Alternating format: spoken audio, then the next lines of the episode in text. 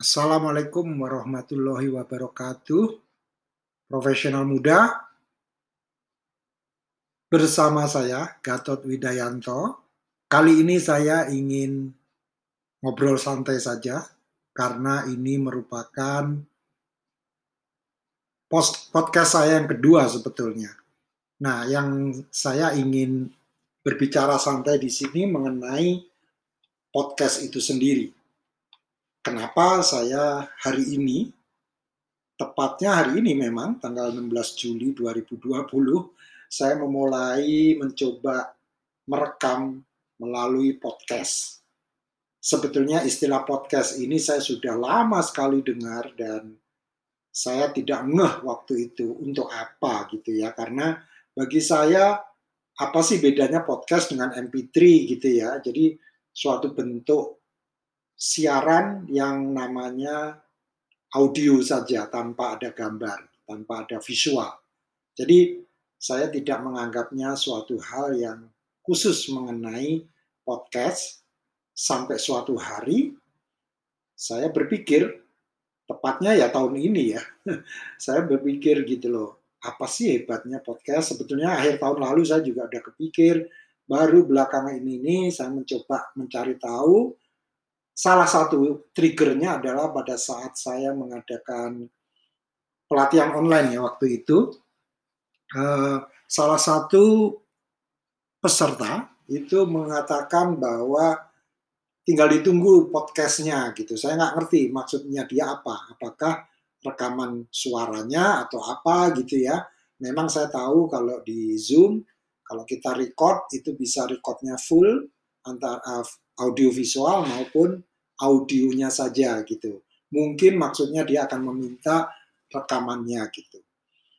Tapi bagi saya terus memikir gitu kok uh, ada orang semakin sering ya mengatakan atau menyebut kata-kata podcast gitu ya.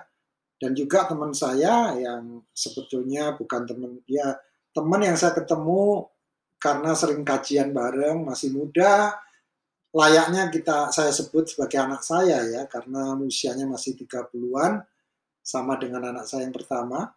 Itu uh, namanya Ruli Reza. Dia juga podcaster gitu. Dan ternyata podcastnya dia menarik banget gitu. Dan saya dengarkan kok suaranya jernih gitu ya di didengarkan malam hari itu enak gitu ya.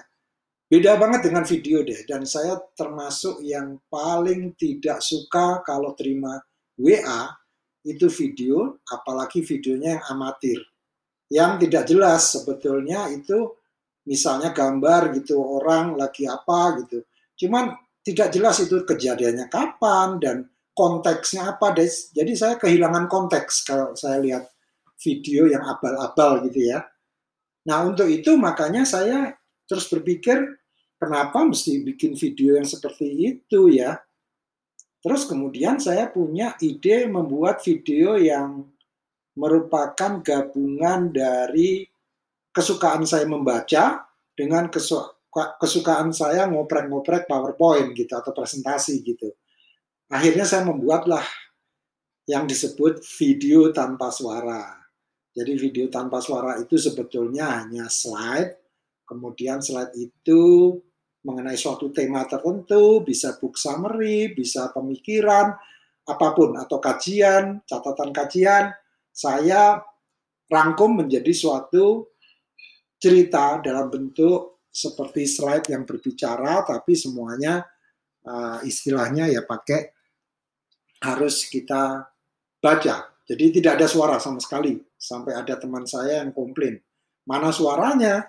Terus bahkan bilang, sayang ini nggak pakai suara gitu ya. Jadi memang sengaja saya nggak pakai suara selain memang saya tidak tahu caranya bagaimana memasukkan su suara di dalam uh, PowerPoint uh, slide tadi gitu. Kalau tanpa suara saya bisa. Tapi memang saya andekan bisa pun saya juga lebih cenderung slide yang berjalan gitu. Nah, along the way, uh, jalan perjalanan waktu, kemudian saya menjumpai sebuah blog atau sebuah artikel yang menarik dari orang yang namanya Joanne Penn. Dan ternyata dia itu penulis buku dan banyak banget buku yang dia tulis dan saya ikutin blognya. Akhirnya saya nyantol di podcastnya dia. Dan podcastnya menarik sekali. Suaranya jelas. Satu jam saya juga mau mendengarkan. Dan terutama yang menarik karena judulnya.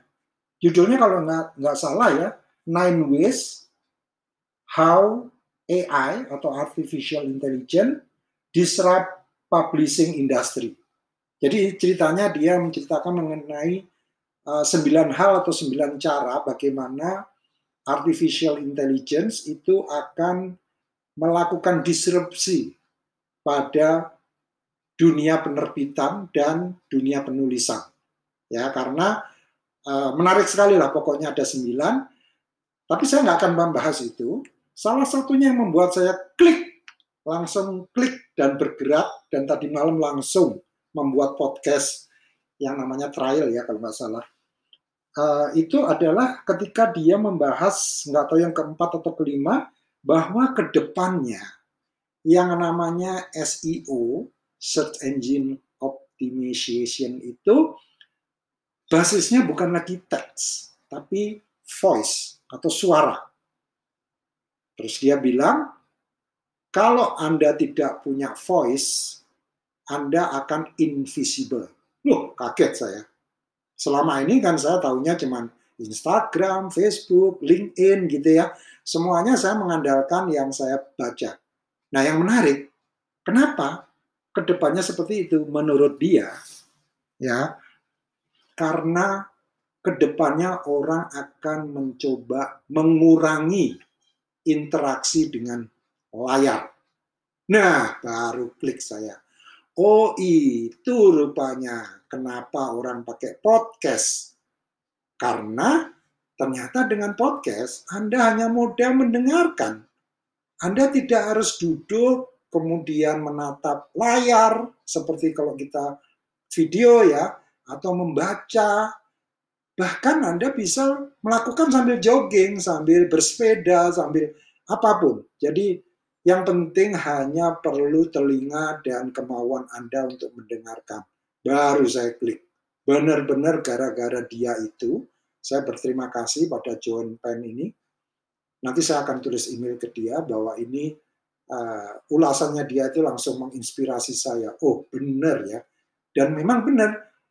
Yang namanya Steve Jobs ini memang gila ya. Jadi dari dulu saya uh, terinspirasi dengan dia karena dia tuh visioner banget. Tahu aja gitu loh bahwa ke depannya itu yang akan mendominasi itu suara bukannya uh, audio visual gitu. Walaupun memang lebih menarik ya audio visual itu kelihatan gitu ya.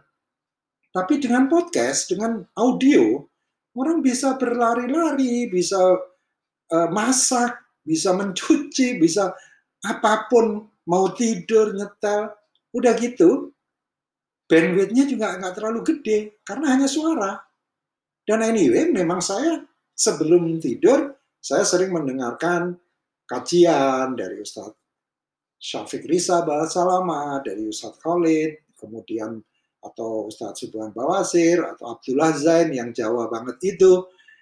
Uh, dan saya nggak melihat wajah mereka, saya hanya saya tinggal, saya dengerin kajiannya gitu. Bahkan sebetulnya saya bisa download suaranya saja sih gitu. Dan menurut saya Nah ini dia. Ternyata in a way saya itu penggemarnya podcast walaupun bentuknya adalah YouTube. Ya teman, saya tidak mendengar, tidak melihat gambarnya gitu. Nah, kemudian saya bacalah semua artikel terkait podcast tadi malam juga gitu. Sebelum saya akhirnya memutuskan untuk mencoba mendownload Anchor ya untuk mencoba uh, apa my first podcast gitu ya. Nah, saya ternyata, ternyata di salah satu artikel itu saya lupa, yang jelas saya simpan, uh, kalau nggak salah judulnya 10 Reasons Why You Need Podcasting. Ya, yang menarik bagi saya langsung klik dengan masa kecil saya adalah seperti radio show. Wah, kaget saya. Loh, itu kan cita-cita saya masa kecil. Ketika saya kecil, saya pengen banget itu kalau bisa siaran gitu ya kayaknya itu di dalam studio itu suatu impian banget gitu loh. Ya, saya pernah memang di interview di Trijaya, pernah juga di M97 FM gitu yang radio klasik rock yang sekarang sudah almarhum. Tapi yang saya ingin bagikan betapa saya tuh menikmati banget nikmatnya berada di dalam studio radio. Wah, jadi kata-kata radio itu langsung klik dan saya ingat sekali pada waktu saya masih SD, SMP di Madiun, setiap hari yang saya lakukan apa? Kalau sudah jam 7 malam mau belajar, saya selalu belajar sambil nyetel yang disebut radio Australia. Ya, dulu ngetop banget dan radio saya Philip Ralin pakai shortwave 1 dan shortwave 2 gitu, pokoknya SW gitu. Yang seperti uh, kalau Anda-anda umurnya seperti saya, ya, ini udah umur-umur udah tua ya itu uh, suara SW itu aduh ngangenin banget suaranya bergelombang jadi suaranya tuh naik turun gitu kadang-kadang jelas kadang-kadang hilang gitu kayak ditiup angin gitu tapi nikmatnya dan sekarang saya nggak tahu masih bisa nggak kita menikmati itu dan anyway apakah radio Australia itu masih ada atau tidak saya tidak tahu tapi itu suatu hal yang menarik sekali dan saya benar-benar suka sekali dengan radio show seperti Radio Australia. Dan luar biasa. Jadi ya saya juga nggak ngerti ya, dulu bisa belajar sambil mendengarkan radio, saya juga nggak tahu, itu konsentrasinya bisa pecah, tapi membuat saya semangat gitu. Nah, kemudian yang saya eh, simpulkan dari kenapa saya begitu excited dengan podcast ini, selain saya juga bisa apa rekaman seenak saya sendiri bahkan sarungan saat ini nggak perlu penampilan nggak perlu sisiran ya yang penting semangat gitu saya berbagi dengan anda semua. Ada tiga hal. Pertama adalah multitasking karena podcast ini menggunakan kuping untuk menikmatinya. Sedangkan mendengar, mendengarkan itu bisa disambi bahkan sambil makan, ya itu juga bisa mendengarkan podcast. Sehingga bagi saya, saya juga pengen mendengarkan podcastnya orang, walaupun saya belum tahu sebetulnya ada istilah uh, platform untuk podcaster dan sebagainya, saya belum tahu. Dan sampai sekarang saya nggak tahu siapa podcaster terbaik atau apa, saya nggak tahu. Ya. Kemudian yang kedua, ini yang juga menjadi PR saya adalah kalau saya menggunakan IG atau menggunakan Zoom gitu ya, kadang-kadang karena internet connection gitu ya, suaranya tuh kadang-kadang timbul tenggelam atau kadang-kadang keluar suara bebek. Tapi dengan adanya podcast, suaranya lebih clear. Jadi alasan kedua adalah suara lebih clear daripada saya menggunakan aplikasi lainnya gitu ya. Dan yang ketiga, nah ini paling menarik. Saya ambil ini dari artikel yang saya baca, 10 Reasons Why You Need to Do Podcasting tadi, yaitu podcast itu ternyata much more engaging. Dan saya merasakan, ternyata mendengarkan suara orang itu lebih menarik daripada nonton penuh misalkan TEDx gitu ya, walaupun saya suka juga TEDx karena clear gitu suaranya, tapi sering kali saya nonton TEDx itu hanya suaranya. Jadi intinya apa? Sebetulnya saya perilaku saya, behavior saya, behavior podcast listener bukannya uh, apa istilahnya video uh, watcher gitu loh, tapi benar-benar listener. Nah, dari situlah saya melihat bahwa tiga hal ini jadi menarik. Pertama ya tadi saya ulang multitasking bisa didengarkan sambil santai, sambil ngapain aja, sambil bersepeda ya. Yang kedua, suaranya lebih clear. Mudah-mudahan yang saya rekam ini juga clear. Saya pakai uh, external microphone dengan jarak yang cukup dekat ini dengan apa uh, lisan saya, apa mulut saya sehingga saya harapkan suaranya lebih clear. Dan yang ketiga, engaging. Seperti radio tadi. Jadi bagi saya, kenapa enggak? Saya banyak mendengarkan podcast dan banyak belajar bagaimana membuat podcast yang menarik. Sampai sekarang saya belum tahu teknik terbaiknya seperti apa, dan saya juga nggak tahu Anda tertarik apa tidak dengan apa yang saya omongin. Tapi yang jelas saya semangat sekali, luar biasa hari ini. Bagi saya uh, suatu hal yang baru yang saya perlu tekuni karena manfaatnya tidak hanya ya tentu saya pengen apa yang saya share ini bermanfaat bagi Anda. Tapi ternyata manfaatnya buat saya juga besar sekali. At least hari ini saya telah berbagi beberapa hal. Saya sudah membuat uh, berapa ya hari ini dua podcast dan dua YouTube ya.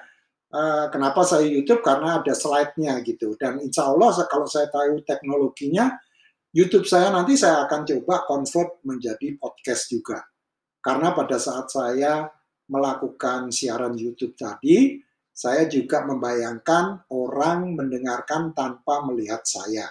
Artinya, saya bercita-cita mengkonversikan YouTube saya tadi ke dalam podcast.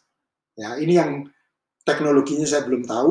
Saya nanti perlu belajar dari anak-anak muda yang jauh lebih tahu teknologinya seperti Ruli, seperti Mas Bismo. Kemarin saya diinterview sama Mas Bismo di IG live-nya dia. Ini juga pertama, pertama kali saya di interview pakai IG live. Demikian profesional muda, teman-temanku semua, sedikit curhat yang nggak tahu saya ada manfaatnya apa tidak, paling tidak saya sudah melampiaskan dalam bentuk suara ini kalaupun tidak bermanfaat bagi Anda ini sangat besar manfaatnya bagi saya karena hari ini merupakan milestone yang sangat penting bagi saya.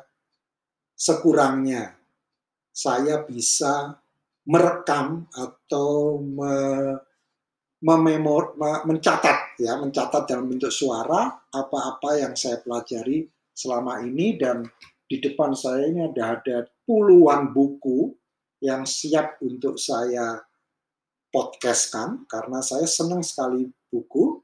Dan saya tadi lupa mengatakan ke Anda bahwa ternyata sekitar tiga atau empat tahun lalu saya itu pernah juga mendengarkan audiobook.